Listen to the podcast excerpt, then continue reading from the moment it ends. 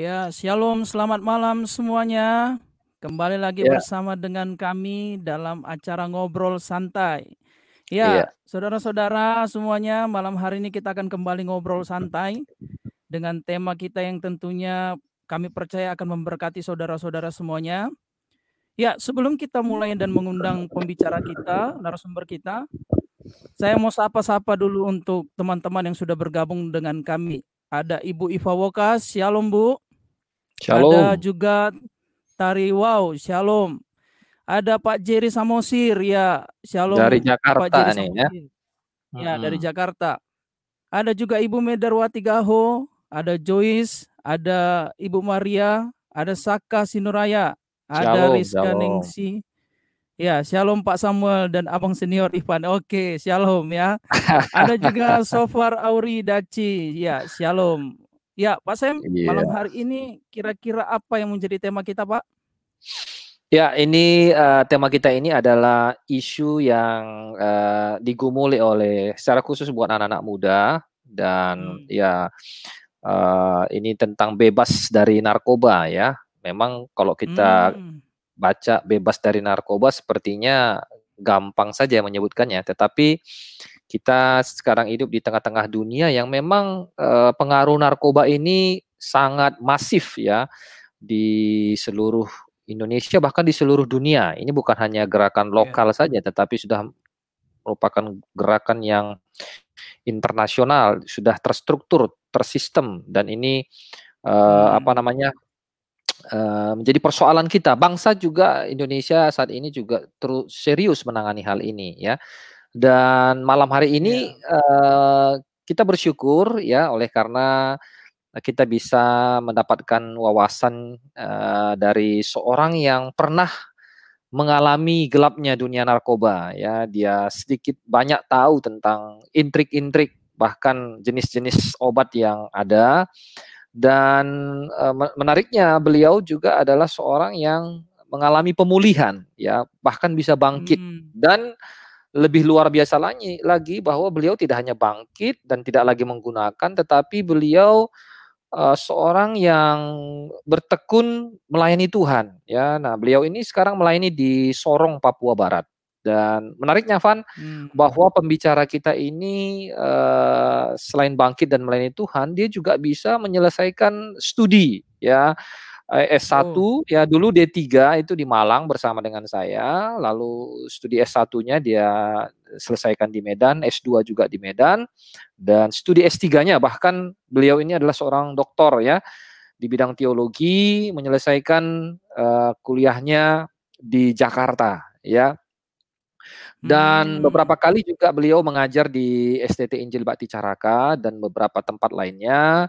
Dan tentunya malam hari ini beliau akan memberkati kita. Ya, eh, nama beliau adalah Pendeta Dr. Yudi Ferdinand Huta Barat. Ya. Ya. Ya, jadi ini perkenalan singkat ya Pak Ivan dan juga teman-teman yang lain yang sudah hadir ya, ada yang baru bergabung juga. Selamat malam Ya. eh Sofar Auridaci ya mungkin kalau kami tidak mengenal kami memanggil namanya ya karena takut ini bapak atau ibu jadi kami Ya, panggil betul, saja. Ini betul. ada Ibu Agustina Rante dari eh, dari Kalimantan Timur ya, Ya, Sangata dari ya. Bon- Ibu selamat bergabung. Nah, perlu juga memang untuk orang tua, ibu atau apa yang mem- memahami hal ini supaya bisa memberikan pengaruh kepada orang-orang muda yang di sekitarnya di Hmm. rumahnya atau anaknya siapa saja supaya mereka tidak terjebak. Ada juga Ya. Ib- eh, Febertina Tina Daci, ada Daci. Michael Hareva dan juga ada Asania Asania Gule. Gule. Iya. Oh, ini ada Anis Dharma Zamili. Ya, Ya, selamat malam. shalom. Selamat malam Iya. semuanya. Iya, semoga tayangan ini menjadi inspirasi kata Ibu eh, Medarwati Medarwati Gaho Gaho. ya. Semoga Ya. tayangan ini menjadi inspirasi bagi setiap Amin, Bu. kita, terlebih anak-anak muda. Jangan melewatkan atau menonton acara ini. Iya, Iya, ini penting untuk orang-orang tua Pak Sem ya. Karena betul orang betul. tua dengan melihat ini mereka dapat pemahaman dan mereka bisa mengajarkan kepada anak-anaknya Pak ya. Iya, betul sekali. Jadi eh, tugas daripada eh, apa siapa saja yang bertugas untuk me menolong anak-anak muda dari bebas Hmm. dari narkoba ini adalah selain pemerintah yang terus secara masif, eee, memberikan pengarahan-pengarahan, orang tua juga penting ya. Ya. Bahkan hamba-hamba Tuhan ya, mahasiswa-mahasiswa sekolah teologi juga per perlu tahu supaya mereka juga bisa, eee, apa namanya, mencegah anak-anak muda yang mereka Hmm. layani atau anak-anak mereka di rumah, di lingkungan supaya mereka tidak terlibat di dalam narkoba ini. Baik, supaya tidak Hmm. berlama-lama ini Pak Ivan, kita Oke. langsung aja ya panggil hamba Tuhan, Bapak Pendeta Dr. Yudi Huta Barat bersama dengan kita. Ini dia. Wow. Shalom, Ya. selamat malam Pak Yudi. malam, Selamat Pak malam. Yudi. Iya, selamat malam. Shalom. Ya, apa kabar Pak Yudi di Papua ya, Pak Yudi? Ya, puji Tuhan kabar baik. Ya, saya ada di Iya. Papua, di Di- kecamatan Distrik Wayer, Kampung Sungguer ya. Saya di- ada di kampung sebenarnya. Jadi Wow, eh, ya. eh, Kabupaten Sorong Selatan, Provinsi Papua Barat gitu. Hmm. Ya. Oke. Kalau iya. dari kota Sorong sekitar 4 atau 5 jam ke tempat saya gitu. Oh, oke oke oke. ya. Jauh sekali ya. Ini kita di Batam ini jam 7 Pak Yudi. Kalau di Papua Ya. jam berapa ini Pak Yudi? Jam 9 lewat 8. Ya. Wah. Wow. Oh ya, wow. beda dua Iya. jam Pak ya. Ini Iya. pengorbanan yang luar biasa dari Pak Yudi ini ya. Eh, Iya. Sudah sempatkan eh, waktu bersama-sama dengan kita jam 9 malam loh ya. Biasanya ada ya orang sudah tidur itu, tapi Pak Yudi tetap seger ini saya lihat ini ya, tetap semangat ini Pak Yudi ya. Iya, iya. Iya, jadi eh, Pak Yudi, terima kasih sudah menerima undangan kami untuk menyampaikan eh, materi bebas dari narkoba. Eh, Iya. Kami rasa Pak Yudi punya pengalaman di masa lalu dan akhirnya bagaimana Pak Yudi bebas dari situ dan akhirnya malah justru berbalik arah eh, dari seorang yang eh, pernah mengalami memakai lalu setelah itu bangkit lalu melayani Tuhan bahkan bisa menyelesaikan studi S3-nya bahkan melayani Tuhan di Papua dan sekarang kalau tidak salah Pak Yudi juga sedang gencar-gencarnya ini Van untuk apa Hmm. namanya me- menolong atau mencegah mengkampanyekan anak-anak Hmm, muda hmm. supaya anak-anak muda ini bebas dari narkoba ya. Jadi Tuhan pakai Pak Yudi ini untuk bisa sharing ke banyak orang supaya orang anak muda ini bisa tahu bahaya daripada narkoba ini. Iya. Hmm. Baik. Jadi Pak Yudi, eh, terima kasih sudah memenuhi undangan kami dan saat ini Pak Yudi eh, kami langsung serahkan aja ke Pak Yudi untuk bisa say hi dan juga langsung memberikan materinya. Nanti kita akan ada tanya jawab dan selamat datang buat yang baru bergabung. Ya ini ada STT Injil Bakti Caraka, Shalom Pak Yudi, ada Jenny Lopo dari Batam, ada Restu, ada Bapak Agustina Suwanto. Selamat malam. Pak. Ini Pak Agus nih dosen saya nih. Iya, iya selamat malam Pak. Ya, baik eh, kami langsung serahkan eh, mimbar ke Pak Yudi. Oke. Ya, shalom buat kita semua. Ya, Shalom Pak. Ya. Iya, oke baik. Eh, terima kasih sekali lagi buat eh, STT Injil Bakti Caraka ya yang sudah memberikan saya kesempatan untuk eh, berbagi tentang masalah narkoba ya, narkotika yang sebenarnya sangat dekat dengan kehidupan kita ya. Jadi bukan hanya orang-orang dewasa bahkan kita tahu eh, narkotika sudah menyasar kepada anak-anak sekolah, bahkan anak-anak SD ya dia di apa namanya diselipkan atau dicampur ke uh, permen, ke kue dan uh, lain sebagainya. Jadi uh, narkoba ini uh, sangat-sangat berbahaya sekali ya. Nanti saya akan coba jabarkan beberapa efek yang sangat menakutkan uh, akibat dari orang yang menggunakan atau uh, sudah mengalami ketergantungan atas narkotika. Nah, masalah narkoba sebenarnya adalah masalah global ya, masalah dunia. Seperti kita tahu bahwa uh, PBB WHO menetapkan uh, situasi COVID-19 sebagai pandemik. Nah, sebenarnya narkotika juga tidak kalah seriusnya persoalan narkotika ya. Ini masalah global. Semua bangsa di dunia ya mengalami masalah narkotika ya, tentu dengan intensitas atau uh, apa namanya tingkat uh, keparahan yang berbeda-beda ya sesuai dengan kondisi negara atau mungkin uh, seperti Indonesia ya yang pintu masuknya begitu banyak. Kita ada adalah negara kepulauan orang bisa uh, masukkan narkoba bukan hanya dari bandara tetapi dari pelabuhan-pelabuhan tikus gitu ya. Uh, kita bisa lihat itu di berita-berita yang uh, pernah disiarkan di televisi. Nah, uh, karena melibatkan kepentingan uh, global, maka PBB sebenarnya pun sangat uh, sangat concern ya, sangat peduli ya, dan PBB memberikan bantuan atau berupaya membantu negara-negara yang uh, terdampak ya, yang cukup parah akibat daripada narkotika ya.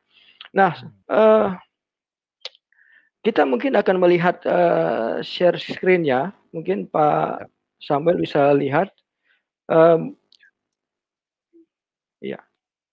Apakah bisa dikembalikan ke ini ke awal? Oh, uh, kontrolnya di oh, Pak Yudi ya? Oh, oh sorry, sorry, sorry. Ya, ya. Oke, okay.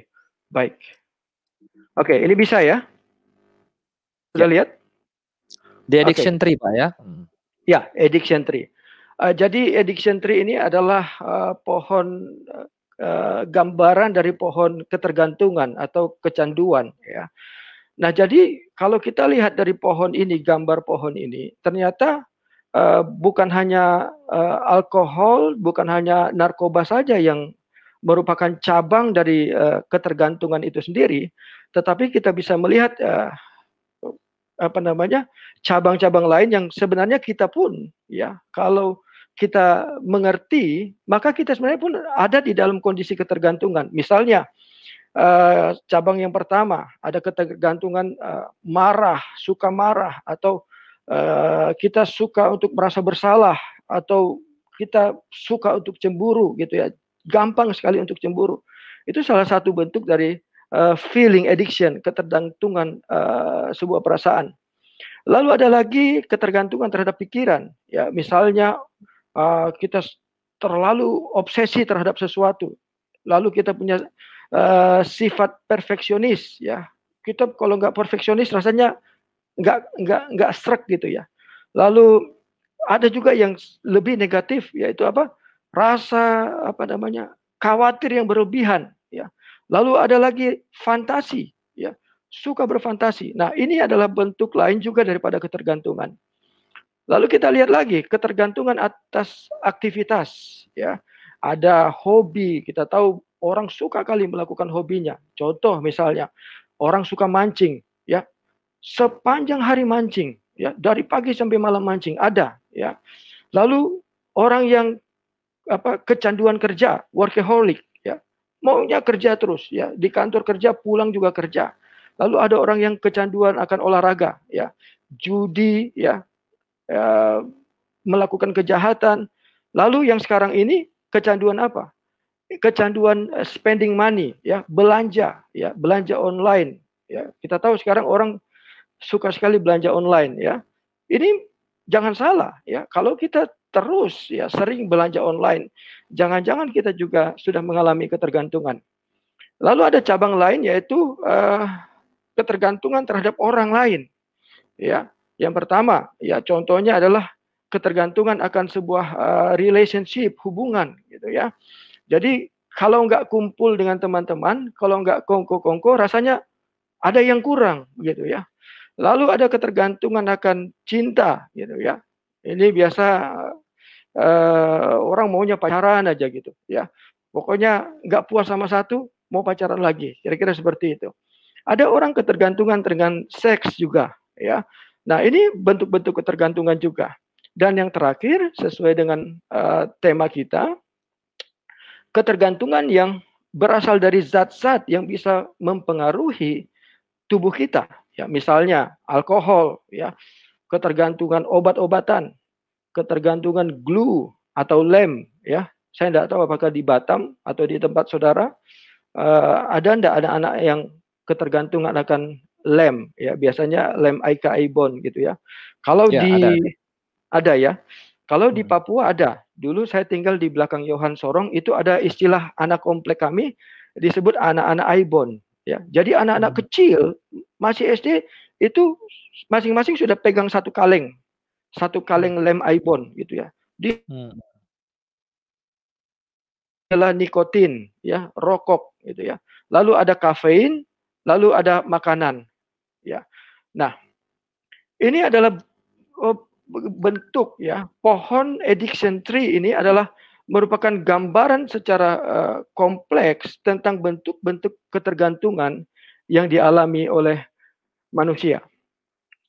Nah, kita akan lanjut ya.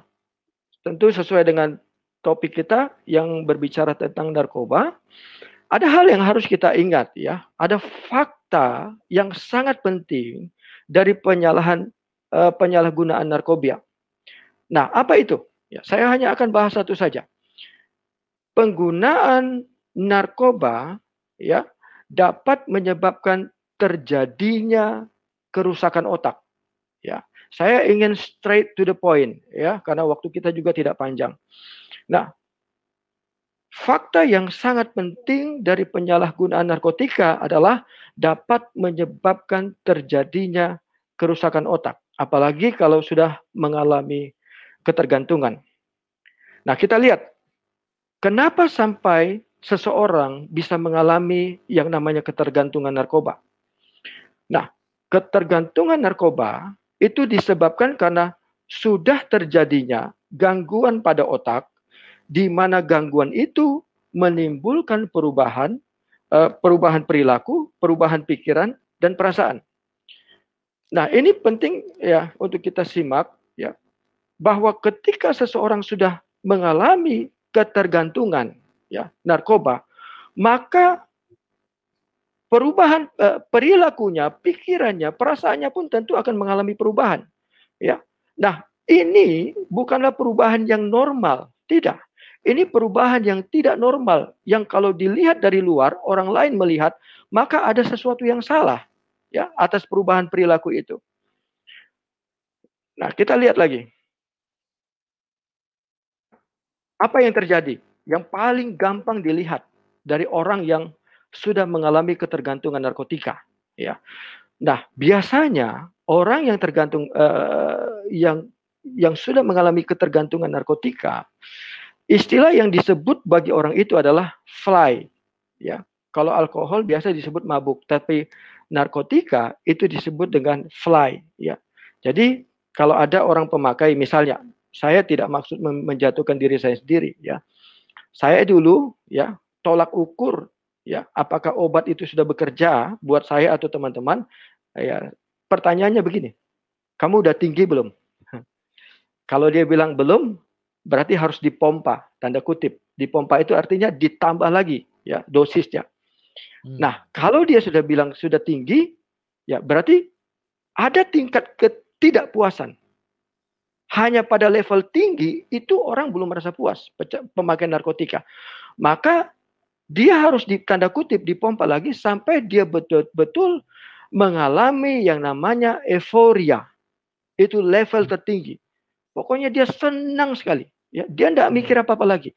Dia hanya tutup mata, dia menikmati musik, dia menikmati ya, hayalan dia, ya, sehingga dia dia dia tidak perlu lagi memikirkan hal-hal lain.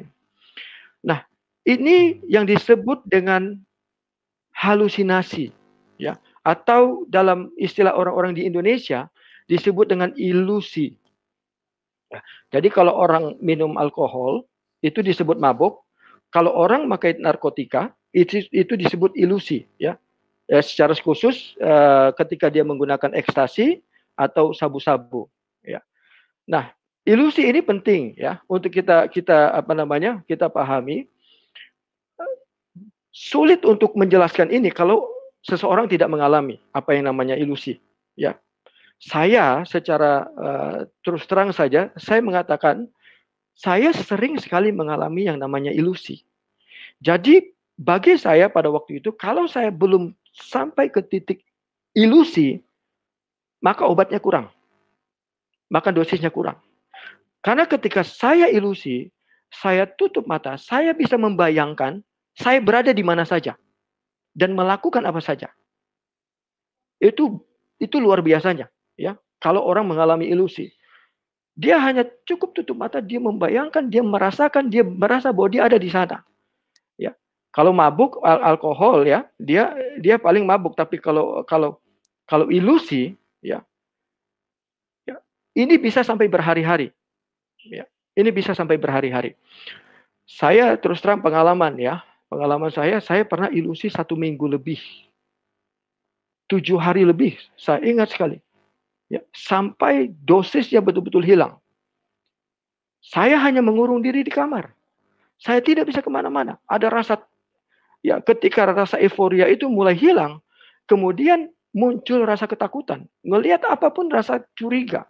Ya, ya tidak nyaman bertemu dengan siapa pun. Maunya menyendiri saja. Ya, itu ya, itulah yang disebut dengan ilusi. Nah, kita lihat. Tadi saya katakan bahwa dampak yang paling penting dari penggunaan narkotik adalah uh, terjadinya kerusakan otak. Mari kita lihat komponen otak yang paling dirusak oleh narkoba. Yang pertama, ya. Ini penting karena ada kaitannya dengan anak-anak sekolah atau mahasiswa, ya. Kalau kamu coba-coba narkotika, inilah yang akan kamu alami. Yang pertama, yang dirusak oleh narkotika adalah daya analisis kita, daya analisa kita. Apa itu daya analisis? Ya, kalau saya, uh, boleh saya merangkumkan, Daya analisis adalah kemampuan seseorang di dalam menguraikan suatu permasalahan menjadi bagian-bagian, lalu orang itu dapat menemukan keterkaitan dari bagian-bagian tersebut, sehingga akhirnya orang itu dapat melihat permasalahan secara keseluruhan. Tuhan menciptakan kita dengan kemampuan analisa menganalisa sesuatu. Artinya Tuhan menciptakan kita dengan kemampuan melihat sebuah permasalahan secara keseluruhan. Nah, orang yang kena narkoba, daya analisanya akan hancur.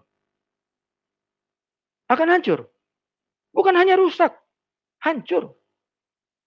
Kamu mau mau mau mau melihat masalah uh, apa namanya secara keseluruhan lagi tidak bisa kamu tidak punya lagi daya analisa. Nah, bukankah siswa sekolah atau mahasiswa atau mungkin bahkan guru ya saya perlu tekankan karena guru pun ada yang menggunakan narkotika ya dosen orang-orang ini adalah orang-orang ya yang bekerja yang harus memiliki daya analisa yang baik ya tentu uh, profesi-profesi lainnya pun uh, pasti memerlukan uh, kemampuan analisa yang baik. Ya. Nah, kalau kamu menggunakan narkotika, saya mau ingatkan di sini, kemampuan kita dalam menganalisa sesuatu akan rusak. Akan rusak. Yang kedua, komponen yang dirusak ya oleh narkotika di dalam otak kita adalah daya sintesa atau kemampuan sintesa. Apa itu kemampuan sintesa, daya sintesa? Kemampuan sintesa, daya sintesa adalah kemampuan seseorang di dalam merangkum berbagai pengertian atau pendapat dari berbagai sumber sehingga dapat menjadi sebuah tulisan baru yang selaras dengan kebutuhan orang tersebut. Ya. Saudara bayangkan kalau Anda adalah mahasiswa lalu Anda gunakan narkotika, maka kemampuan atau daya sintesa Anda hancur, untuk apa lagi Anda belajar? Untuk apa lagi Anda kuliah? Tidak ada gunanya. Ya. Karena kita harus memiliki kemampuan ini ketika kita sekolah atau kuliah. Merangkum berbagai pengertian ya dari beberapa sumber, lalu kita membuat satu kesimpulan tentang itu. Lalu yang ketiga, yang dirusak oleh narkotika di dalam otak kita adalah daya analogi, ya, kemampuan kita untuk menganalogi. Apa itu? Kemampuan untuk menggambarkan sesuatu yang sama, tetapi dalam kesamaan itu kita juga bisa melihat ada sesuatu yang berbeda. Jadi tidak 100% sama. Kita kan sering uh, berkata menganalogikan sesuatu. Ya. Ya, orang-orang yang uh, apa namanya? Uh, di sekolah teologi kan ya bahkan di mata-mata uh, kuliah lain ya di mungkin di dunia sekuler juga ya analogi itu kan dipakai juga ya untuk uh, uh, menjelaskan sesuatu kan apa namanya uh, sesuatu dianalogikan seperti apa kira-kira seperti itu nah kalau kita menggunakan narkotika maka daya analogi kita itu akan hancur. Ya. Lalu yang keempat apa yang dihancurkan oleh narkotika? Logika berpikir. Apa itu logika berpikir? Logika berpikir adalah kemampuan seseorang dalam menghasilkan pikiran-pikiran yang bisa diterima atau rasional. Ya. Ini penting ya. Kita kan kalau ya belajar ya pasti kita akan ya misalnya ada guru bertanya atau dosen bertanya, maka yang diharapkan dari kita adalah kita mampu menjawab pertanyaan itu ya dengan pikiran yang bisa diterima, dengan jawaban yang masuk di akal. Nah, kalau kita ya kena narkotika, maka logika berpikir kita akan hancur. Saya ambil contoh misalnya. Ya. Saya masih ingat di dalam ingatan saya.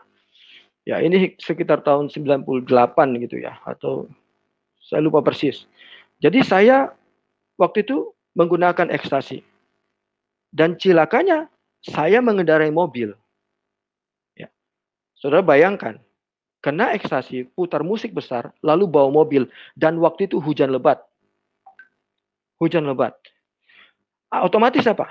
Saya sambil menikmati musik, saya tidak bisa ngebut. Nah ketika saya terlambat pulang, saya ingat saya punya kakak laki-laki, marah kepada saya. Dia marah, dia tanya, kenapa kamu lama sekali? Tahukah apa yang saya jawab? Saya jawab begini, habis saya ngebut.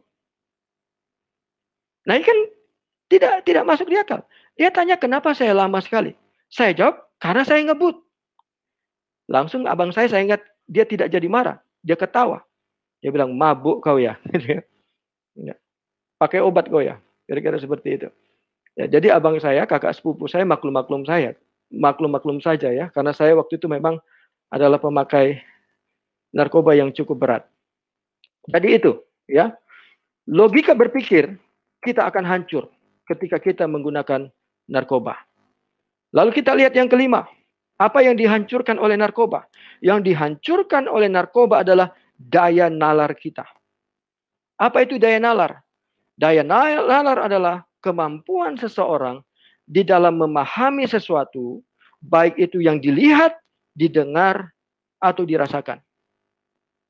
Kalau kita menggunakan narkoba, daya nalar kita atau daya serap kita terhadap sesuatu yang di, di, di, diberikan kepada kita itu akan hancur. Kalau kita duduk di dalam kelas, ya dosen atau guru sedang mengajar, ya, yang diperlukan adalah salah satunya daya nalar, kemampuan kita untuk menyerap apa yang diajarkan oleh guru atau dosen. Cilakanya, kalau kita menggunakan narkoba, daya nalar kita itu akan hancur. Lihat lagi. Yang ketujuh kalau saya tidak salah ini. Yang dihancurkan, salah satu komponen di dalam otak kita yang dihancurkan adalah spasial dua dan tiga dimensi. Apa yang dimaksud dengan spasial? Spasial adalah proses mental dalam mempersepsi, menyimpan, mengkreasi, mengubah, mengkomunikasikan sebuah bangun ruang. Nah, kemampuan spasial sangatlah dibutuhkan oleh orang-orang yang bercita-cita menjadi arsitek, desain interior, pilot, animator tiga dimensi, dan lain sebagainya. Jadi adik-adikku, kalau kamu mau bercita-cita jadi arsitek, bercita-cita jadi pilot, jadi desain interior, atau animator tiga dimensi, jangan pakai narkoba. Karena kalau kamu pakai narkoba, kamu tergantung terhadap narkoba, maka kemampuan spasialmu akan hancur. Lalu kita lihat yang ketujuh kalau tidak salah ini, daya antisipasi. Ini adalah salah satu bagian yang dihancurkan oleh narkotika di dalam otak kita. Apa itu daya antisipasi? Daya antisipasi adalah kemampuan untuk lebih dulu mengetahui tentang apa yang mungkin akan terjadi atau akan yang akan dihadapi. Ya. Saya ulang. Daya antisipasi adalah kemampuan untuk lebih dahulu mengetahui tentang apa yang mungkin akan terjadi. Contoh misalnya, seorang kiper ketika main sepak bola, ya. Nah, seorang kiper dia harus punya daya antisipasi yang bagus. Kira-kira dia harus bisa menebak kemungkinan bola ditendang ke kiri atau ke kanan. Kalau daya antisipasinya bagus, maka dia pasti bisa menepis atau menangkap bola yang ditendang oleh si penendang. Nah, daya antisipasi juga sering berlaku dalam kehidupan kita. Misalnya, kita kalau mau jalan atau kita mau melakukan sesuatu, kita harus pikir dulu apa yang akan kita antisipasi. Resiko terburuknya apa? Resiko yang mungkin akan terjadi. Harus siap-siap kita antisipasi. Orang yang pakai narkoba, daya antisipasinya akan hancur. Dan yang terakhir, ya, yang dihancurkan oleh narkoba di dalam otak kita adalah daya memori. Apa itu daya memori? Kemampuan seseorang ya, berapa lama dia bisa mengingat sesuatu. Ya. Hancur. Saya ingat ya, waktu saya masuk di Sati, mungkin Pak Pendeta Samuel tahu. Belum sampai satu bulan lah saya masuk di Sati. Ya, saya langsung minta pulang. Waktu itu saya belum belum sembuh betul dari narkotika. Ya. Kenapa saya menangis dan minta pulang? Karena saya waktu membaca satu satu lembar ya, saya rasa tidak sampai satu lembar ya. Selesai kuliah ya di kamar saya coba ingat satu uh, uh, satu lembar dari pelajaran yang tadi diberikan. Lalu saya minta ya teman saya mendikte, saya tidak ingat satu pun dari apa yang saya baca kemampuan saya untuk mengingat sesuatu itu hancur. Saya ingat waktu itu saya menangis, saya bilang saya minta pulang. Saya ingat sekali juga, ya, ada Pak Daniel Manusiwa, ya, Dani Manusiwa, Bung Dani, ada juga Pak Eka, ada Yesi Titalei, ya, ada Erwin, ya, ya, mereka bawa masuk saya ke kamarnya Bung Dani, lalu mereka berdoa buat saya di situ, ya, tumpang tangan buat saya di situ. Karena memang betul-betul saya tidak punya daya memori lagi. Ya. Untuk apa saya ada di, di, di sekolah teologi kalau saya tidak punya daya ingat? Ya. Jadi ini adik-adikku yang dikasih oleh Tuhan. Ya orang-orang tua juga ingat. Ya. Narkoba menghancurkan daya ingat kita. Ya. Narkoba menghancurkan daya ingat kita. Jadi saya ulang sekali lagi. Ada delapan komponen otak yang paling dirusak oleh narkoba. Yang pertama daya analisa, yang kedua daya sintesa, yang ketiga daya analogi, yang keempat logika berpikir, yang kelima kemampuan nalar, yang keenam spasial dua dan tiga dimensi, yang ketujuh daya antisipasi, yang kedelapan daya memori. Kalau delapan ini sudah tidak berfungsi dengan baik di otak kita, untuk apa lagi kuliah? Gak ada guna. Buang-buang uang aja. Buang-buang uang aja. Saya ngalamin ini. Ya adik-adikku yang saya kasih, saya ngalamin ini. Hati-hati. Yang paling diserang oleh narkotika adalah otak kita. Otak kita. Kalau semua sudah hancur, apa mampu kita sekolah? Apa mampu kita kuliah? Enggak. Enggak punya kemampuan analisa, enggak punya kemampuan sintesa, enggak punya kemampuan uh, nalar. Ya, hati-hati ya. Uh, bagi Bapak Ibu Saudara yang menyaksikan ini. Mari kita lihat. Ini jenis otak yang sudah terkontaminasi oleh narkotika. Yang sebelah kiri ini yang warna biru ini adalah gambar ya hasil dari scan otak yang terkena marijuana. Kalau di Indonesia marijuana itu sama dengan ganja. Kalau tanya kepada saya, saya sudah rasa ganja dari yang yang kaleng-kaleng sampai yang paling paling bagus. Yang kaleng-kaleng itu ya, ya di misal minta maaf, diisap sekali ya setengah jam hilang. Tapi yang paling bagus saya masih ingat. Ya. Saya isap kali pertama, saya langsung pusing, tidak bisa duduk. Isap kali kedua, saya muntah-muntah. Isap ketiga, saya tidak bisa mengangkat kepala, menangis. Itu kalau dapat yang kualitas paling bagus. Nah, otak orang yang menggunakan ganja ya atau marijuana ini seperti otak gambar yang warna biru ini. Lalu lihat otak orang yang menggunakan heroin. Nah, ini ada di tengah-tengah. Lihat ya, bolong-bolong ya.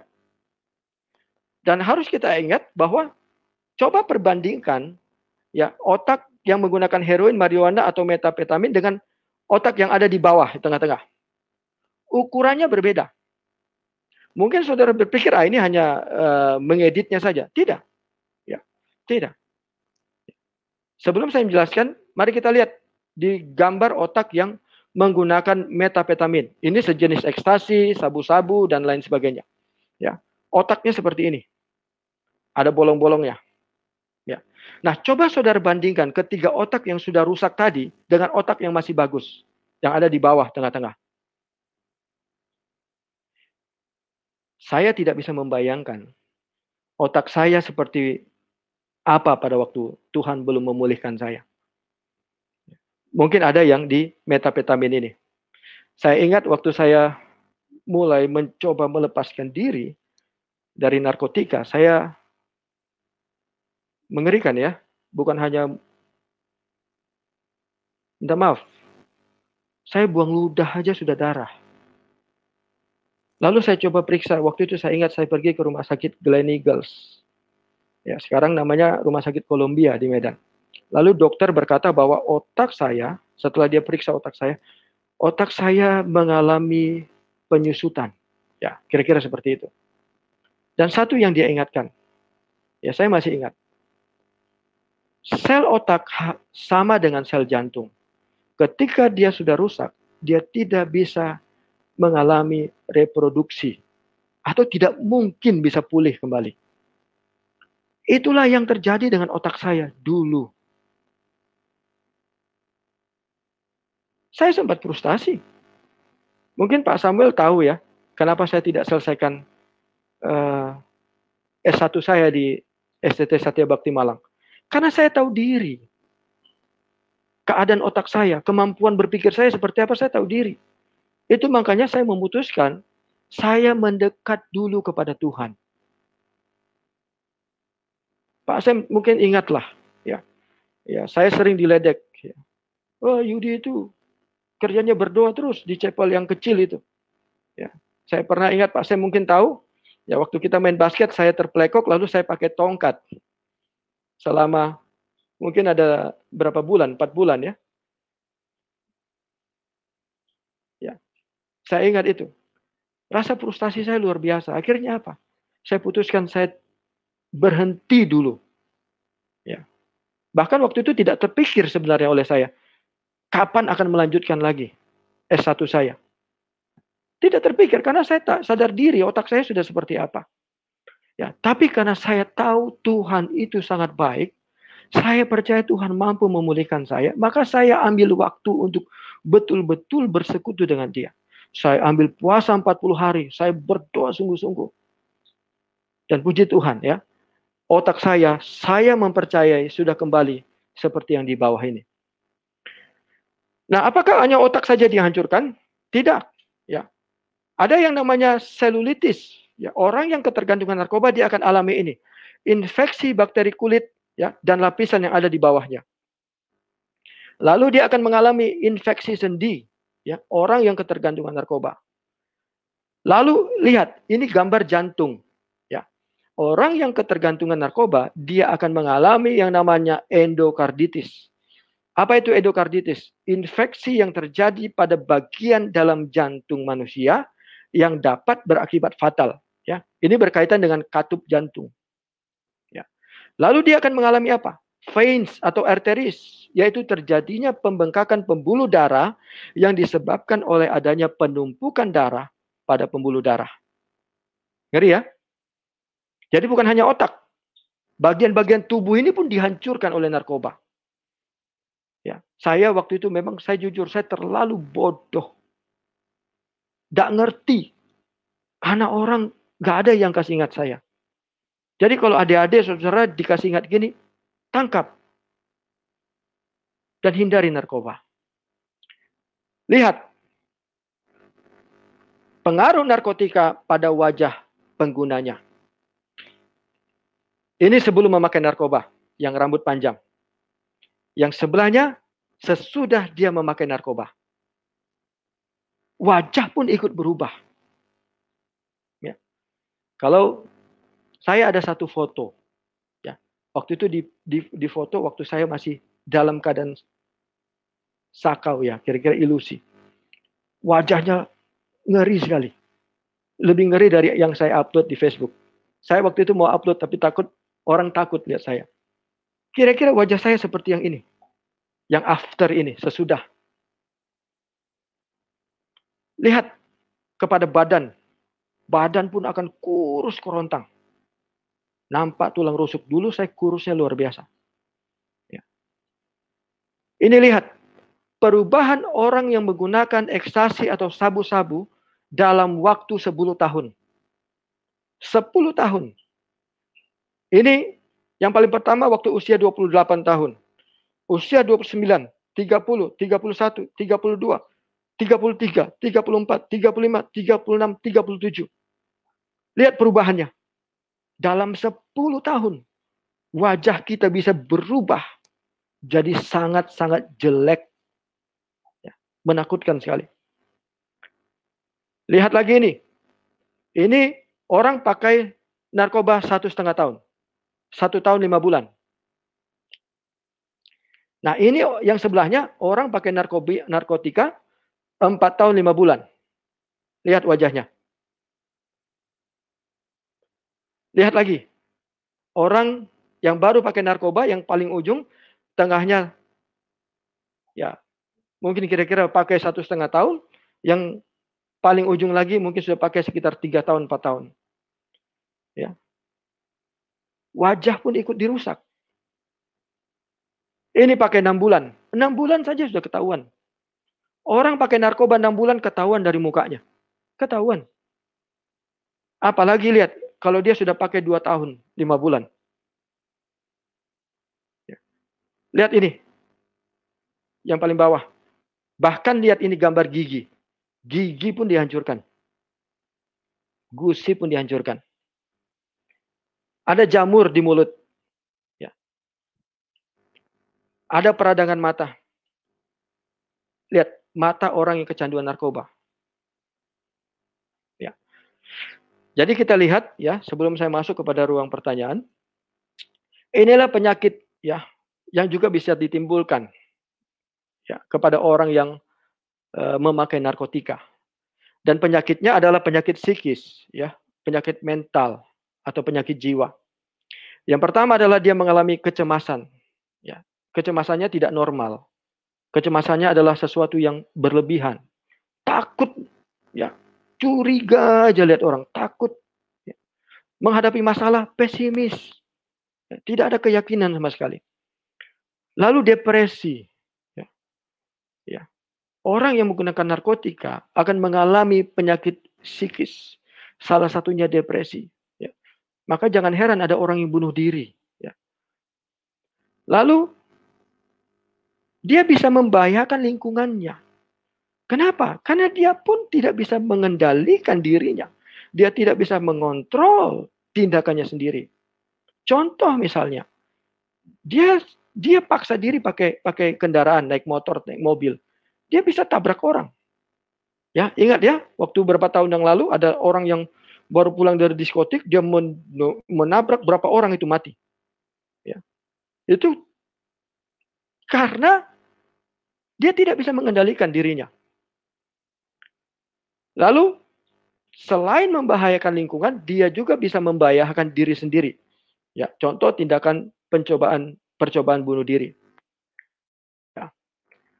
Lalu dia akan mengalami penyakit jiwa yang berat ya teman-teman, saya punya teman, ya, ya, saya tahu, bukan hanya gila, mati, saya tahu ada beberapa, ya. Nah, saya rasa itu saja, ya. Mungkin Pak Sam bisa uh, membuka ruang pertanyaan uh, sebelum kita lanjutkan lagi. Ya, kira-kira seperti itu. Ya, terima kasih Pak Yudi buat pemaparan yang uh, luar biasa ya. Dan ini sudah ada beberapa pertanyaan yang uh, ditanyakan oleh teman-teman uh, yang mengikuti. Ya, mungkin Pak Ivan bisa membacakannya Ibu dari Ibu Naomi dulu ya. Ya.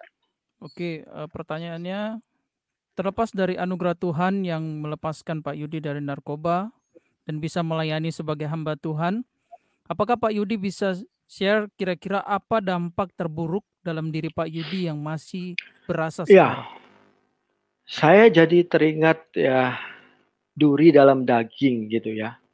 Ya, uh, Rasul Paulus pernah memohon kepada Tuhan untuk menyembuhkan satu penyakitnya yang mungkin sampai saat ini orang masih menduga-duga apa itu. Saya bisa memahami itu, ya. Hmm. Bukan Tuhan tidak mampu memulihkan saya 100%. Saya percaya Tuhan mampu. Mungkin ada orang berpikir saya ambisi untuk mengambil gelar S3. Enggak. Saya mengambil gelar S3 saya ingin menunjukkan kepada diri saya, mungkin juga akan menjadi kesaksian, bahwa Tuhan bisa mengubahkan orang yang otaknya sudah hancur. Tadi sudah lihat ya gambaran otaknya. Ya. Otaknya hmm. sudah hancur. Tuhan bisa kok. Nah, apakah saya tidak katakan tidak sempurna? Saya masih bisa merasakan beberapa hal yang menjadi dampak dari narkotika.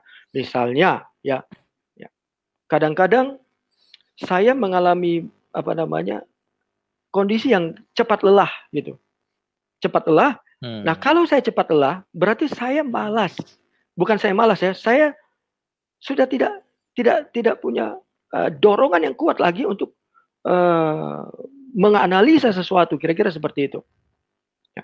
hmm. tapi bukan berarti saya menyerah tidak ya saya minta maaf saya tidak bermaksud untuk meninggikan diri. Saya ingat sekali disertasi saya, ya. Ketika saya diuji. Lalu saya keluar sebentar terus saya dipanggil, lalu ketua sekolah mengatakan disertasi saya adalah yang terbaik dari semua peserta yang diuji disertasinya. Artinya apa? Artinya ternyata saya masih memiliki daya analisa yang bagus. Bukan maksud menyombongkan diri, tidak saya sadar bahwa Tuhan masih menolong saya. Nah, hmm. bukan berarti saya tidak mampu, tapi ketika saya ada di dalam kesulitan, ya, saya harus bergantung kepada Tuhan. Tuhan, tolong saya supaya saya bisa melakukan pekerjaan saya dengan baik. Kira-kira seperti itu. Jadi saya mempunyai cepat lelah, kira-kira seperti itu. Hmm. Kalau cepat lelah kan rasanya, aduh, udah deh, gitu. Kira-kira seperti itu. Iya iya, terima kasih Ya. Pak Yud. Nah, ini ada pertanyaan juga dari Rizka Nengsi. Rizka mau tanya dong Pak, kira-kira kenapa ya Pak Yudi memakai narkoba tersebut dulu? Ini juga berhubungan dengan Pak Pertemuan Marbun. Salam Pak Yudi, saya mau Pak Yudi menjelaskan bagaimana Pak Yudi bisa terlibat memakai narkoba ya Ya, mungkin pertanyaan selanjutnya nanti kita akan diskusikan lagi ya. Iya. Dan bagaimana saja anak-anak muda sekarang bisa terlibat ke narkoba seperti itu kira-kira Pak? Uh, saya jawab pertanyaan kepada saya dulu ya. Saya waktu ya. itu uh, waktu saya ada di Medan ya. Saya saya waktu di Jakarta, waktu saya kuliah di Gunadarma, saya saya sudah pakai narkoba sebenarnya saya pakai ganja itu tahun 92. Ya, saya kenal ganja sekitar tahun 92. Lalu waktu saya kuliah di Jakarta, saya pernah ditodongkan pistol di kepala saya, ya di kosan saya. Saya tidak tahu teman saya nginap karena rupanya di sepatu dia, di dalam sepatu dia ada ganja setengah kilo. Ya. Hmm. Nah, lepas dari itu, ya, ya, saya pindah ke Medan. Saya pindah ke Medan, saya kerja dengan Olo Panggabean. Ya, saya kerja di bagian uh, judi. Ya, di judi saya bagian di distribusi kupon. Nah, distribusi kupon adalah orang-orang yang dituntut bekerja ya di tengah malam ya. Jadi masuk jam 6 sore, pulang jam 6 pagi. Ya, gitu. Jadi karena saya bekerja di jam yang seharusnya saya tidur, ya, maka saya badan saya menuntut sesuatu yang bisa membuat saya tetap fit. Kopi tidak cukup. Ya, minuman suplemen tidak cukup. Lalu apa yang ditawarkan? Ekstasi. Ya. Pertama cuma seperempat. Ya, seperempat itu ibaratnya ya semangat-semangat lah sambil kerja dengar lagu apa segala macam. Nah, sifat dari dari dari narkotika ini kan tidak tidak stabil. Kita diminta untuk naikkan dosis terus, naikkan dosis terus. Rasanya hmm. gimana sih kalau tambah? Gimana sih kalau tambah? Nah akhirnya hmm. naik setengah, naik setengah, lalu naik tiga perempat, naik satu. Nah kalau sudah kena satu, maka yang diperlukan adalah eh, masa-masa uh, Anda harus drop gitu, atau menghilangkan ya eh, pengaruh dari narkoba itu. Nah, itu waktunya tidak tidak singkat. Itu bisa sampai ber, 2 sampai 3 jam. Apa yang kami lakukan? Yang kami lakukan apa? Masuk ke diskotik. Ya. Masuk ke diskotik. Menghabiskan semua energi yang diakibatkan oleh ekstasi itu. Ya. Hmm. Akhirnya itu menjadi pola. Menjadi hmm. pola. Kalau tidak make, ngantuk. Gitu. Kalau tidak make itu ngantuk. Dan itu bertahun-tahun. Saya kalau ingat mungkin ya parah-parahnya sekitar empat tahun lah saya pakai ekstasi itu ya, Inex itu. Nah, kira-kira itu. Ya. Karena kalau saya karena tuntutan kerja, ya, tuntutan hmm. kerja. Jadi akhirnya jadi habit, jadi kebutuhan. Nah, ini bahayanya narkoba ketika jadi kebutuhan itu kacau. Ya, kira-kira itu. Bagaimana dengan mungkin uh, anak-anak yang lain? Kenapa kok sih dari pengamatan Pak Yudi selain tuntutan kerja ya tadi itu, kenapa sih anak-anak muda uh, itu terjebak pada akhirnya memakai narkoba? Padahal kan mungkin di awal-awal uh, ya mereka hanya memakai sedikit gitu, lama kelamaan banyak gitu. Bagaimana sih kok bisa mereka akhirnya terjaring dengan itu Pak kira-kira? Ya, ini pertanyaan yang menarik dan penting. Ya, uh, bisa lihat di layar ya. Ya. ya. Ada di layar Pak Pak Pak Sam, Pak Samuel? Ya. Ada? Ya. Oke. Okay. Ada. Pak. Jadi ini alasan alasan pemuda memakai narkoba. Ya. Saya mengambil data ini, saya kebetulan beberapa bulan terakhir ini ya, ya hampir satu tahun ini, uh, ya mungkin karena ya Tuhan tolong saya lah ya biasanya biasanya Tuhan memakai orang yang dari mana Tuhan panggil orang itu hmm. ya ini pemahaman ya. saya saya mantan pecandu akhirnya Tuhan bawa saya kepada orang-orang yang menangani masalah narkotika saya hmm. bergabung ya bersama lembaga bersama ya lembaga bersama adalah lembaga yang menangani uh, para pecandu dan itu lebih tua dari BNN. Ya, beberapa kali saya ikut mengikuti webinar, lalu uh, akhirnya uh, tercetuslah satu wacana uh, agar saya memimpin Dewan Pimpinan Daerah dari lembaga bersama ini di Papua Barat. Ya, cuman itu agak tertunda karena Ketua Umum uh, lembaga bersama ya beberapa hari lalu, minggu lalu beliau meninggal dunia.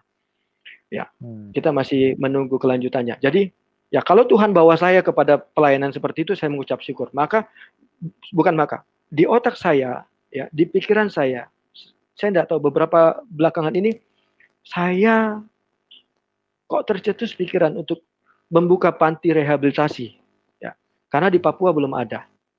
Nah, hmm. kita kembali kepada pertanyaan. Alasan pemuda memakai narkoba, ya sumbernya adalah survei penyalahan narkoba, penyalahan dan peredaran gelap narkoba tahun 2018 oleh BNN, Badan Narkotika Nasional. 64 persen itu karena coba-coba. Ya, karena coba-coba. Ya, bergaul sana, bergaul sini, dengar dari orang enak, ya, ya. Hmm. Akhirnya apa? pengen coba. Dikasih sedikit, wah kok enak ya? Ya, akhirnya apa? Beli sendiri. Beli sendiri. Hmm. Nah, gitu. Lalu 17% ya. 17% karena memang dia ingin uh, apa namanya mengalami uh, kesenangan. Ya, ini bisa kita kita ya saya tidak menjudge ya orang yang suka apa namanya istilahnya uh, hangout ya, hangout gitu ya. Hmm, ya hangout kalau sampai jam 10 oke okay lah. Tapi kalau hangout lanjut di atas jam 10 ya, hmm. maka tujuan Anda adalah senang-senang. Senang-senang tanda kutip ya. Senang-senang yang berlebihan. Nah, ini adalah 17%.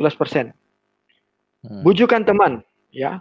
Bujukan teman. Ini sebenarnya masuk juga di kategori coba-coba. Tapi ya kadang-kadang teman ini pun perlu dipertanyakan dia memang teman atau kurir? Hmm. Dia teman atau temannya bandar? Hmm. Dia pancing dulu. Lah abis itu kan badanmu kan nuntut. Hmm. Mau lagi nih, mau lagi nih, mau lagi nih. Akhirnya apa? Keluar uang sendiri. Gitu ya. Keluar orang sendiri. Nah, itu 7%. Lalu yang 6% adalah karena stres, ya. Stres. Jadi ya ya asumsinya ketika menggunakan narkoba ya mungkin dia lihat ya dari iklan dari dari TV atau dari video ya orang-orang yang ada di diskotik itu kok kelihatannya senang-senang sekali ya karena dia stres akhirnya dia ingin uh, melepaskan ya penatnya pikiran stresnya itu dengan narkotik dan saya tidak bohong hmm. orang pakai narko narkoba stresnya hilang Hmm. Jangankan stres, kita sakit gigi saja, ya ini pengalaman saya, sakit gigi saja, pakai ekstasi, hilang sakit gigi. Ya, hmm. betul. Demam saja, demam, ya saya tidak tahu orang lain, saya pengalaman saya, saya demam, saya pakai obat, hilang demamnya. Kira-kira seperti itu. Apalagi stres, ya, ya. Ketika ada di di apa di diskotik ya kena obat, ya kemungkinan stresnya hilang. Tapi setelah itu kan masalah kan tidak hilang. Nah, kira-kira seperti itu Pak Sep. Hmm. Iya, berarti itu sebenarnya orang itu coba-coba dulu, lalu waktu mereka setelah coba-coba mereka pakai karena ternyata obat ini memberikan kesenangan kepada mereka, mereka coba dosis yang lebih tinggi lagi, lalu ya. pada akhirnya tubuh itu uh, jadi terus membutuhkan begitu Pak ya? Ya, menuntut. Nah, menuntut ya. ya Jadi ya. Eh, apakah susah bagi orang itu untuk menolaknya, Pak, ketika seseorang sudah mencoba beberapa kali seperti itu? Uh, ya. Begini ya, bukan masalah, ya memang masalah untuk uh, susah untuk menolak dia. Tapi kalau dia terus ada dalam tingkat stres yang tinggi, lalu dia memiliki uang untuk membeli ya hmm. ya otomatis kalau punya uang gaya hidupnya pun berbeda ya hmm. maka sulit untuk untuk orang itu menolak menolak hmm. sulit ya hmm. Dan berarti lingkungan tercatat, juga ya pak ya ya jelas ya lingkungan sangat mempengaruhi lingkungan sangat mempengaruhi hmm. iya ya mungkin pak pak Samuel mau mau apa namanya Iya. Bertanya tentang strategi pencegahannya, kira-kira seperti itu tadi ya? Atau ya, mungkin ada ini, yang mau ini, ya, bertanya? Ya, kebetulan uh, ya dari Pak apa nih Pak Domu tadi ya. Oke, ini ya saya dulu ya. Eh, hal-hal ya, ya. apa saja yang dapat dilakukan anak-anak muda sekarang supaya terhindar dari narkoba dan juga ini nyambung juga ya Van ya dengan ini saya ya. mau menambah pertanyaan Pak, mengapa orang cenderung narkoba susah terlepas dari narkoba. Yang ini dulu kali Pak ya. Bagaimana supaya terhindar mereka ya? Oke, okay. mungkin yang yang pertama supaya uh, bagaimana supaya terhindar ya. Ya, ya Jadi ya. penanganan narkoba tidak tidak sesimpel yang dipikirkan orang. Tidak. Ya. Hmm. Makanya ada panti rehabilitasi, ada lembaga-lembaga yang dibentuk khusus menangani narkotika, ya sebenarnya narkoba pun bisa di, bisa di, dijadikan sebuah pandemik lah. Ya, jangan hanya corona. ya korban Hmm. karena narkotika ini sangat banyak. Nah, kita lihat ya upaya atau strategi pencegahan penggunaan narkoba. Ada Iya. tiga ya. Oke, Pak. Yang saya primary ya. prevensi. Ya, ya, Oke. Ya. Jadi ada primer, ya pencegahan primer atau primary prevention. Yang kedua adalah eh, tindakan sekunder atau secondary prevention. Yang ketiga ada tersier, ya. Nah, kita lihat pencegahan primer atau prim, primary prevention. Ya. Pencegahan primer adalah pencegahan ini dilakukan kepada orang yang belum mengenal nar- narkoba. Ya. Ini Hmm. harus dilakukan. Iya, iya, iya. Jangan Sosialisasi, sampai mereka ya. Hmm. Iya, sosialisasi itu penting sekali. Ya, itu kata yang sangat tepat, Pak Sem. Ya, harus ada sosialisasi. Ya, harus ada tindakan eh, peringatan. Kamu pakai narkoba ini loh. Inilah konsekuensinya. Nah, kita kaitkan dengan gereja, ya, Pak Sem ya. Kita kaitkan dengan Ya. gereja. Sebenarnya mimbar pun Ya. Mm-mm, mm-mm. Harus dipakai untuk mengumumkan hal-hal seperti ini. Betul, betul. Hmm. Harus. Coba Hmm. kita selidiki. Kalau kalau kita yakin narkoba ini adalah masalah global, kita terima ya. Narkotika adalah masalah global. Sudah kira-kira berapa kali kita ingatkan anak-anak kita, anak-anak muda kita di gereja Hmm. tentang bahaya narkotika. Ya. Ya. Ini yang disebut dengan pencegahan primer. Bisa menggunakan mimbar gereja. Lalu dalam Ya. pergaulan dan lain sebagainya. Lalu Ya. ada pencegahan tersier, ya. Apa itu pencegahan eh, Tersier. ya, aduh. Sorry. Ya, pencegahan sekunder dulu, Pak Sem. Oh, Nah, sekunder. pencegahan sekunder, ya, pencegahan ini dilakukan kepada orang-orang yang sedang coba-coba menyalahkan Hmm. menyalahgunakan narkotika. Ya.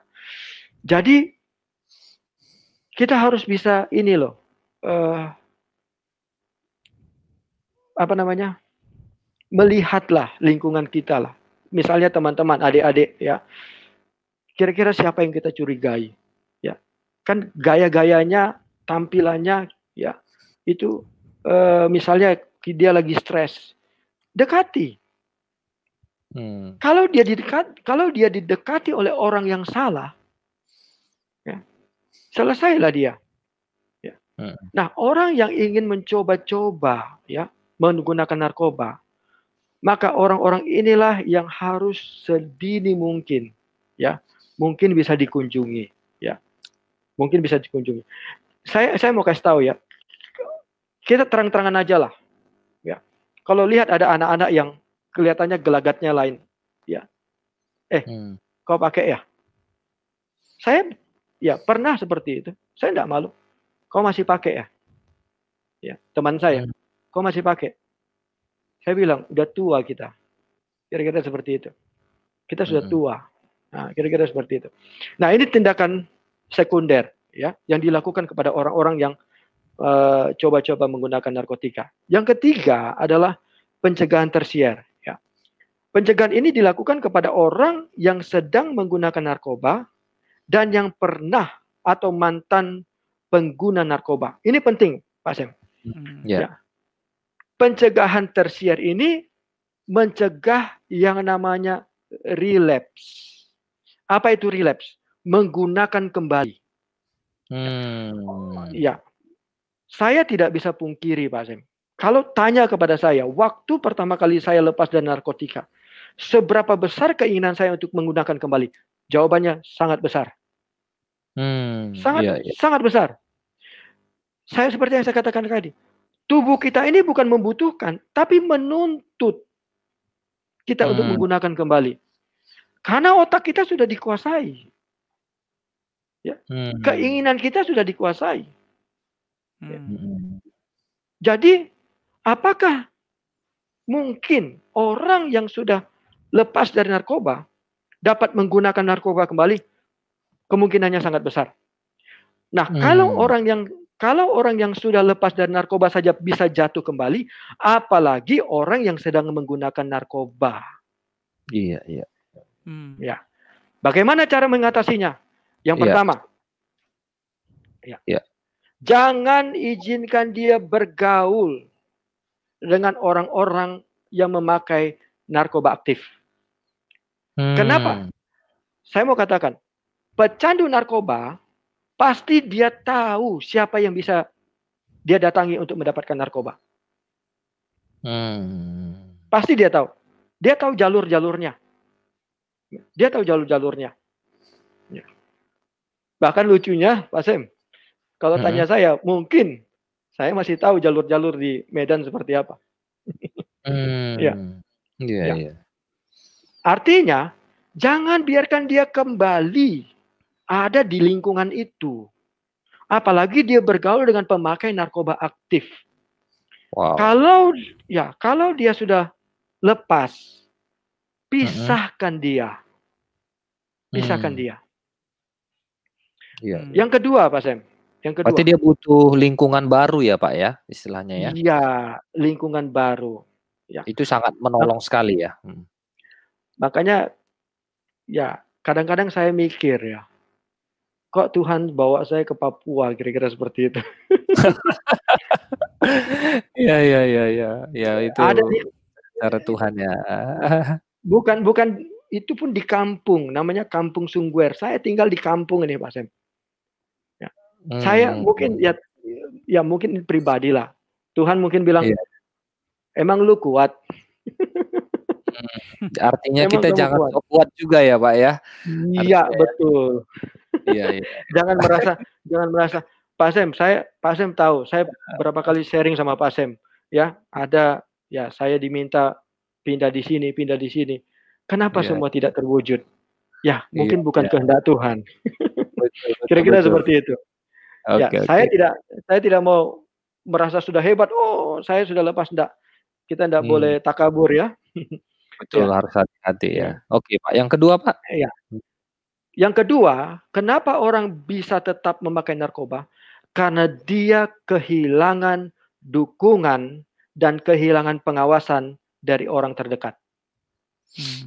Hmm. Ya. Orang yang pakai narkoba, orang yang kita tahu dia baru bertobat dari narkoba, kita hmm. tidak boleh berhenti mendukung dia. Hmm. Dukung terus. Kamu Bersoal. bisa. Mm -mm, ya. Lalu tetap awasi dia. Tidak mungkin dia bisa keluar dari lumpur seorang diri. Perlu tangan dari atas menarik dia. Hmm. Tidak ya, bisa, ya. Pak Sam. Tidak bisa, Pak Ivan. Tidak ya, ya, ya. bisa. Orang dari lumpur harus ada tangan dari atas yang menolong. Nah, jadi kalau kita ya tahu ada orang-orang kena narkoba, Jangan kucilkan dia. Sekalipun kita jumpai dia, dia lagi keadaan sakau, datangi dia, berikan dukungan, kamu pasti bisa lepas. Hmm. Gitu. Hmm. Nah, yeah. yang ketiga, yang hmm. ketiga, ini mengerikan Pak Sem. Kenapa yeah. orang bisa terus memakai dan yeah. kenapa orang bisa relapse atau jatuh yeah. kembali? Yeah. Karena jenis narkoba yang digunakan oleh orang itu. Ya. Hmm. Cilakanya hampir semua jenis narkoba sifatnya adalah meminta kembali orang itu menggunakan narkoba itu. Contohnya heroin, morfin, ekstasi, ganja, sabu-sabu. Jenis-jenis narkotika narkotika ini ya adalah jenis narkoba yang membuat orang yang menggunakannya ingin terus menyicipinya. Makanya yeah. harganya mahal pun orang tidak peduli. Yeah, yeah. Saya saya saya saya waktu itu Pak Sem, orang beli nar, orang beli ekstasi mungkin satu dua butir. Dulu orang tanya orang kalau undang saya, ayo yuk kita ke diskotik. Saya bilang kamu ngundang saya ya. Berarti -huh. kamu yang sediakan obatnya. Saya terus terang, dalam satu malam dosis saya tujuh butir. Wah. Orang satu butir, dua butir udah kelepek-kelepek. Saya kalau tuj- belum dosis saya sampai tujuh butir itu belum teng gitu. Dan satu hmm. butir pada waktu itu masih harga 100 150 ribu itu yang kualitas bagus. Kali tujuh berapa? Dan saya ingat Hmm. saya pernah beli narkoba 100 butir dari bandar. Oh. Itu saya makan kayak makan kacang, Pak Sam. Saya nggak Hmm. bohong. Saya beli waktu itu dapat korting. Kalau nggak salah saya beli 7 juta 100 butir. Hmm. Saya taruh di kantong aja. Kenapa? Saya saya nggak- nggak- udah nggak peduli lagi mau ditangkap mau apa nggak peduli karena tuntutan dari jenis narkotika yang saya pakai. Hmm. Nah, jadi itu Pak Sam, tiga hal ya. Tiga hal Iya, yang iya. bisa buat orang terus menggunakan narkoba. Yang pertama, dia tidak dilepaskan dari Lingkungan. pergaulan yang ya lingkungan. Yang kedua, dia kehilangan dukungan. Dia Hmm. tidak didukung untuk bisa. Dia tidak terus Ya. ditarik. Nah, yang ketiga, jenis narkotika yang dipakai. Dan cilakanya hampir semua jenis narkotika menuntut orang itu untuk menggunakannya kembali. Ya, Iya. mungkin itu Ini jawabannya. ada menarik ini, Van. Mungkin Pak Ivan bisa bacakan Iya. ini. Pertanyaan dari Ibu Iva.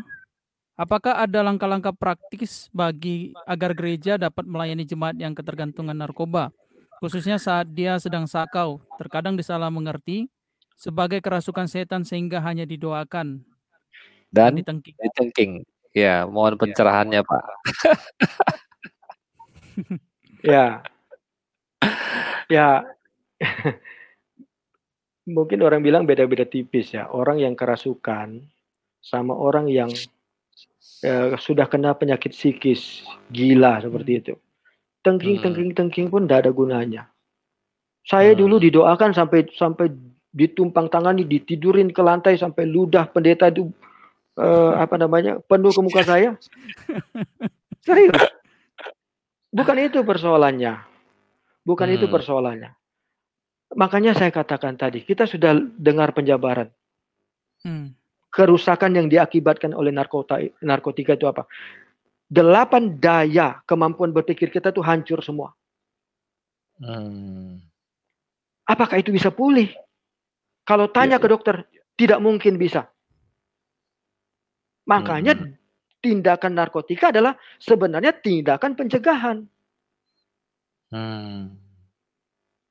Ya, Kalau ya. masalah dia pulih otaknya, ya itu dokter pun angkat tangan, nggak bisa. Karena otak sudah rusak ya sudah seperti gambar tadi. Kalau udah bolong-bolong ya nggak bisa. Lah kenapa saya bisa? Saya nggak tahu. Ya jawaban saya pasti karena kemurahan Tuhan. Ya saya sungguh-sungguh meminta kepada Tuhan. Ya, saya berlutut luar biasa. Saya puasa. Saya Tuhan pulihkan otak. Saya tahu dokter bilang tidak mungkin. Tapi saya percaya ada satu kuasa yang bisa pulihkan saya. Nah, ini juga penting, ya. Gereja, ya. Per, pertanyaannya di mana peranan gereja? Peranan gereja yang saya sarankan yang pertama lebih baik kepada tindakan pencegahan. Ya, tindakan Hmm. pencegahan. Sering-seringlah selipkan pesan di mimbar. Ya, hati-hati generasi kita. Ya, Hmm. hati-hati narkotika bisa datang dalam bentuk apa saja. Sekarang Pak Sem tahu, ada narkoba yang jenisnya sintetik. Hmm, Narkoba hmm. sintetik, sabu-sabu sintetik, ganja sintetik. Coba. Hmm. Ngeri sekali sekarang. Orang hampir tidak tahu ini narkoba. Ya. Jadi gereja setidak-tidaknya perlu membuka wawasan, bukan hanya anak muda, tapi orang tua. Ya. Jangan Hmm. biarkan anak-anak keluyuran tanpa tujuan yang jelas. Hmm, hmm. Curigai kalau dia sudah keluyuran dalam eh, eh, dengan waktu yang sudah seperti terjadwal. Itu patut Hmm. dicurigai. Patut Hmm. dicurigai. Berapa lama dia keluar? Itu patut dicurigai. Sekali-kali ikuti. Awasi. Jangan jangan jangan malu-malu lah bilang kepada orang tua. Terang-terangan aja lah. Kita harus perang. Narkoba itu bukan saya senang dengan pemerintah ya. Presiden Joko Widodo ya mem- memberikan impres bahwa tahun 2045 Indonesia harus bebas dari narkotika. Perang terhadap narkoba harus dilakukan semaksimal mungkin. Jadi kata kuncinya adalah perang. Nah, gereja pun harus berperang, Hmm. jangan hanya himbauan. Pastikan itu dilaksanakan atau enggak. Ya, Hmm. kaum kaum muda itu mereka lah yang diutus menjadi spy, menjadi mata-mata. Kawanmu ke mana? Kenapa kemarin enggak nggak datang ibadah, nggak datang kaum muda. Kenapa? Bentuk satu tim ya yang khusus Hmm. mengawasi teman-teman yang tidak ibadah. Kalau alasannya nanti bilang ah sakit sibuk, coba periksa. Jangan Hmm. sampai mereka dirangkul oleh para pengedar-pengedar narkotika. Ya saya rasa itu peran gereja. Jangan jangan hanya Hmm. jangan hanya ada action lah, tindakan. Saya kemarin ya, saya kemarin saya ditelepon dihubungi dari Jakarta. Jadi saya bilang begini, saya bilang Bu, saya lebih suka membuka satu panti rehabilitasi. Nah, terus eh, beliau menyampaikan, Pak Pendeta, kenapa gereja tidak membuat satu departemen untuk mengatasi masalah narkotika? Terus saya sampaikan, gereja biasa fokusnya tidak ke situ, lebih kepada penggembalaan dan masalah-masalah yang ya mungkin eh, tidak seberat narkotika. Tetapi Hmm. saya katakan ada juga ya, ada juga yayasan-yayasan ya yang secara khusus menangani ya yayasan Kristen yang menangani pecandu-pecandu narkotika. Itu banyak. Waktu saya menggembalakan di Siantar, saya tahu ada beberapa, ada dua yang saya tahu. Itu pecandu-pecandu berat yang dibawa ke situ. Ya. Mungkin itu Pak. Iya. Hmm. Ya ini ada si Trisno ya Pak Ivan ya. Ya. Eh, sepertinya ini pertanyaannya tadi udah Sudah ya? dijawab. Dijawab Iya. ya. Kenapa seseorang susah lepas dari narkoba? Hmm. Baik, eh, ini saya mau bertanya dari Jerry Samosir ini, Pak. Silahkan. Ya, Iya. Shalom Pak Yudi, mau tanya, Iya. jikalau tadinya seorang seseorang pemakai narkoba, lalu berhenti, apakah bisa sembuh? Bisa. Bisa, tapi ya kita tidak menampik kuasa Tuhan, ya. Tidak menampik itu. Tapi kalau untuk pulih 100%, saya rasa sulit lah. Saya rasa Hmm. sulit. Karena seperti yang saya dengar dari dokter yang menangani saya dulu. Dia bilang otak saya itu sudah menyusut, ya. Bahkan istilah yang dipakai adalah saya sudah PhD. Apa itu PhD? Ya bukan gelar S3, bukan gelar S3, tapi permanent head destruction. Sudah Hmm. mengalami kerusakan otak yang permanen. Jadi kata permanen itu kata kuncinya. Satu kali otak kita sudah rusak, maka kerusakannya adalah permanen. Makanya tindakan yang dilakukan harus ekstrim. Harus Hmm. ekstrim. Begitu. Ya, ya, betul betul. Berarti eh, bisa berhenti Pak ya, tapi dampaknya pasti ada gitu Pak ya. Hmm. Ada, ada. Makanya saya saya sering ingatkan, kamu kalau pakai narkoba, berhenti aja lah kuliah. Udah rusak otakmu. Kasihan Hmm. orang tuamu, kerja setengah mati cari uang, kamu akhirnya tidak bisa menyelesaikan. Menyelesaikan pun tidak dengan kualitas yang baik, Hmm. ya. Kira-kira seperti itu. Pak, Iya, saya mau tanya nih. Iya. Eh, Iya. Tadi Pak Yudi sempat menyampaikan mengenai fly begitu. Jadi orang yang memakai narkoba itu akan mengalami fly begitu. Nah, tadi Pak Yudi bilang bahwa kalau misalnya belum mencicipi tujuh butir, mungkin belum sampai ke tahap itu Pak Yudinya. Berarti dalam pikiran saya begini, berarti orang yang memakai narkoba dia itu terus dituntut untuk menggunakan narkoba dengan dosis yang semakin hari semakin tinggi begitu, Pak. Ya, jadi orang pakai narkoba itu seperti makan cabai. Ada orang Hmm. makan sedikit sudah pedis. Ya, sudah kepedasan, ya, sudah rasa pedas. Hmm. Ya. Orang pakai narkoba juga seperti itu. Ada orang kena sedikit dia sudah fly. Ya. Tapi kalau orang yang sudah menahun, satu itu tidak ada artinya. Istilahnya Hmm. baru jempolnya yang goyang, Hmm. baru jempolnya yang goyang. iya, Iya, saya iya, dulu iya. kalau orang kasih saya satu untuk apa? Jempolku aja yang goyang itu apa? gitu. Iya.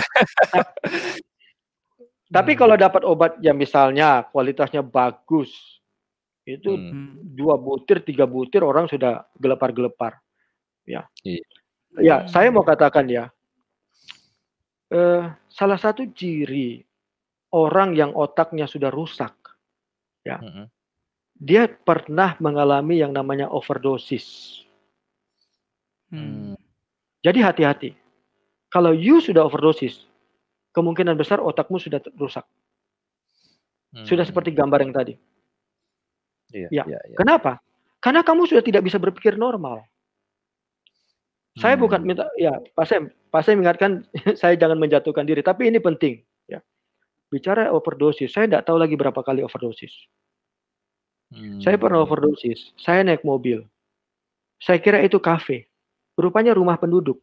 Saya parkir mobil, saya masuk ke rumah penduduk, saya duduk ruang tamu, saya angkat kaki, saya nyalakan mancis. Saya bilang saya pesan bir. Terus datang ibu-ibu. Pak, minta maaf, ini bukan diskotik, ini bukan kafe, ini rumah pribadi. Hmm. Coba.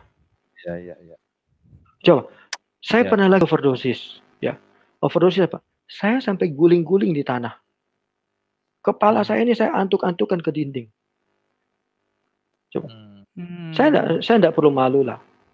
Overdosis yeah, yeah. itu ngeri lah. Yeah. Saya pernah overdosis hampir mati dua kali saya masuk rumah sakit. Terlambat setengah jam saya selesai. Overdosis, hmm. keracunan. Ya. Berapa hmm. kali. Jadi apakah otak saya sudah rusak? Saya tidak ragu mengatakan sebenarnya sudah. Hmm. Tapi kenapa saya masih bisa bertahan? Tentu karena Tuhan. Saya hmm. melakukan comeback. Comeback bangkit. Dan saya tidak mau bangkit setengah-setengah. Saya berdoa kepada Tuhan, Tuhan kalau saya lanjutkan S1, saya lanjutkan S2, saya harus melanjutkan S3. Saya ingat mungkin Pak Samuel tahu Pak Baskita Ginting ya.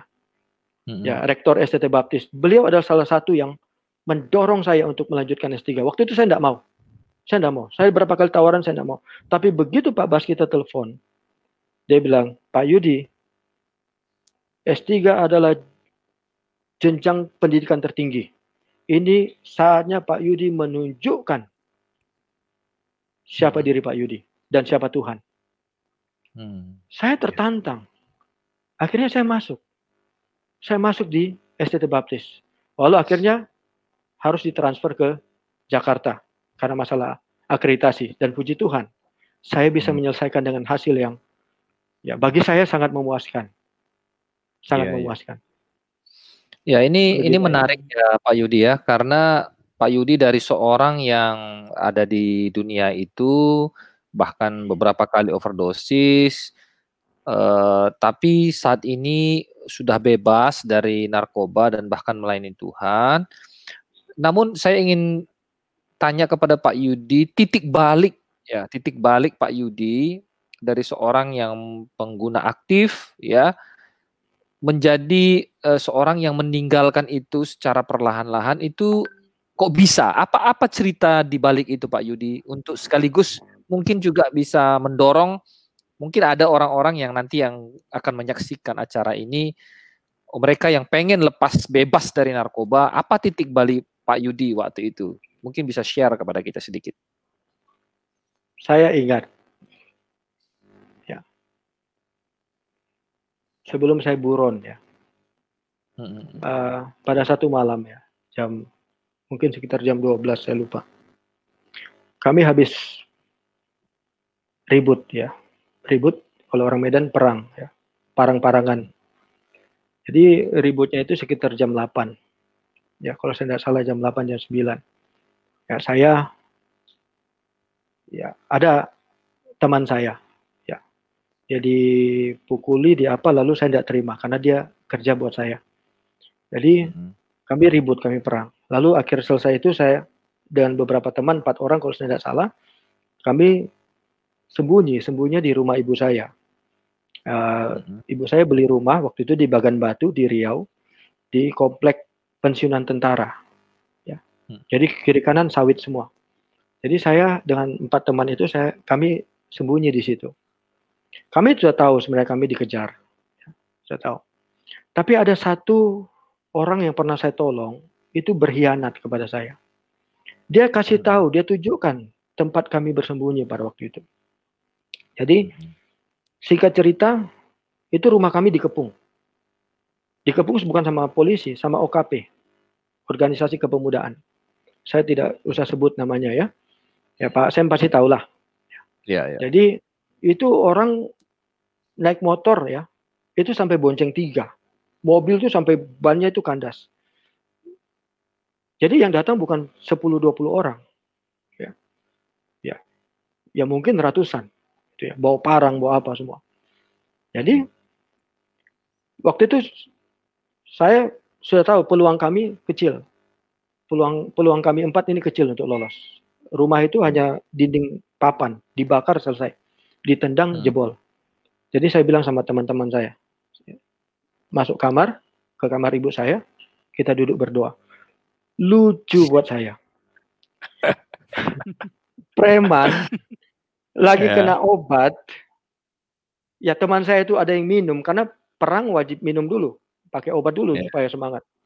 Duduk kami empat orang. saya kalau Ya. ingat itu lucu. Ya saya kami duduk berempat saling berhadapan lingkaran. Terus saya bilang kita berdoa. Kalau memang ini terakhir kita bertemu ya selesai. Sudah. Hmm. Lalu saya ingat satu kalimat doa saya begini. Tuhan, kalau memang engkau ada, Mm-mm. kalau memang engkau ada, buktikan malam ini engkau ada. Jangan ada satu tangan pun menyentuh kami malam ini. Karena kami tahu peluangnya sudah tidak tidak bisa lolos. Jangan ada Ya. satu tangan pun yang menyentuh kami malam hari ini. Kalau itu terjadi Tuhan, apa pun yang engkau minta, ke mana pun engkau suruh aku, aku ikut. Hmm. Dan luar biasanya, saya tidak tahu, tidak lama setelah doa itu, ibu saya yang tidak tinggal di rumah itu tiba-tiba datang. Datang dengan aparat keamanan. Datang Hmm. dengan aparat keamanan, aparat keamanan sudah lebih dulu, ada koramil sama polisi. Jadi mereka ya berusaha untuk menahan lah masa itu. Jadi ibu saya Hmm. datang, ibu saya bilang begini. Kami dengar di luar, kami sembunyi di kamar, ibu saya di luar, di depan pintu. Kalau mau tangkap anak saya, langkahi dulu mayat saya. Itu Hmm. kata ibu saya. Ya, saya sangat berterima kasih punya ibu seperti itu. Jadi mungkin karena dia seorang perempuan, ya Koramil dan Ramil dan Kapolsek pada waktu itu ya menghormati ya karena kami saya tahu ibu saya punya kom- komunikasi yang bagus dengan eh, aparat gitu ya. Jadi karena Hmm. mereka punya komunikasi bagus akhirnya aparat bilang, "Oke Ibu, kami berusaha semaksimal mungkin mengatasi masalah ini, tapi ingat kalau bisa amankan anak Ibu. Jangan dia keluar. Kalau dia keluar kami yang tangkap nggak masalah. Tapi kalau orang-orang itu kami angkat tangan." Mm-mm. Singkat cerita, ya keamanan, ya polisi, tentara berhasil menguasai keadaan, masa bubar, lalu akhirnya keesokannya saya ya, disembunyikan. Ya. Mm-mm. Lalu saya terus dicari. Akhirnya saya ya diberangkatkan ke Dumai, dari Dumai naik kapal laut ke Surabaya, dari Surabaya saya ditinggalkan adik saya, Ibu Pendeta Ririn, di terminal Bungurasi Surabaya. Kalau saya tidak Hmm. salah. Mm-mm. Dia habis itu ke Malang. Karena adik saya, Ibu Pendeta Ririn waktu itu sudah sudah kuliah di Sati. Itu Melinda Nauyan udah pernah datang Pak Sem. Ya, Tahu ya. Melinda Nauyan ya? Datang nasihati saya. Nasihati saya, saya masih pakai narkoba. Coba bayangkan. Ya silakan ngomong gitu. Saya akhirnya dibawa ke Blitar, Pelampangan. Mm-mm. Sampai di Pelampangan, ya, ya, yang bawa saya adalah eh, ada anak laki-laki yang dibawa eh, Ibu Ririn dari Pelampangan untuk kerja bersama dengan kami. Jadi anak itulah yang disuruh membawa saya menyembunyikan saya di Pelampangan. Tiga bulan saya di Pelampangan. Selama tiga bulan Pak Sem, rumah saya, ya bukan rumah ibu saya, rumah saya dibakar. Rumah saya dibakar. Ibu saya telepon, rumahmu dibakar. Mm-mm. Saya bilang, saya tahu orangnya. Nggak usah, nggak usah, nggak usah. Walaupun kau tahu orangnya, kau tidak tidak usah pulang. Saya masih ingin lihat kamu hidup dan menjadi seorang hamba Tuhan. Saya bilang, oke Hmm. mah. Lalu tidak sampai seminggu, rumah ibu saya yang tadi kami empat sembunyi di situ, yang saya cerita, Hmm. itu mau dibakar juga. Mau dibakar. Tuntutannya saya menyerahkan diri. Karena pada peperangan yang saya ceritakan tadi ada korban. Hmm. Ada korban. Ya. Jadi tetangga-tetangga bilang begini, yang bajingan itu anaknya, bukan ibunya. ini yang beli rumah ini ibunya. Jadi kalau kalian bakar, kami akan turun tangan. Jadi akhirnya rumah ibu saya tidak jadi bakar tapi sudah hancur. Kaca-kaca berguguran semua, hancur. Saya ingat mangkuk minum ibu saya itu terbelah karena parang.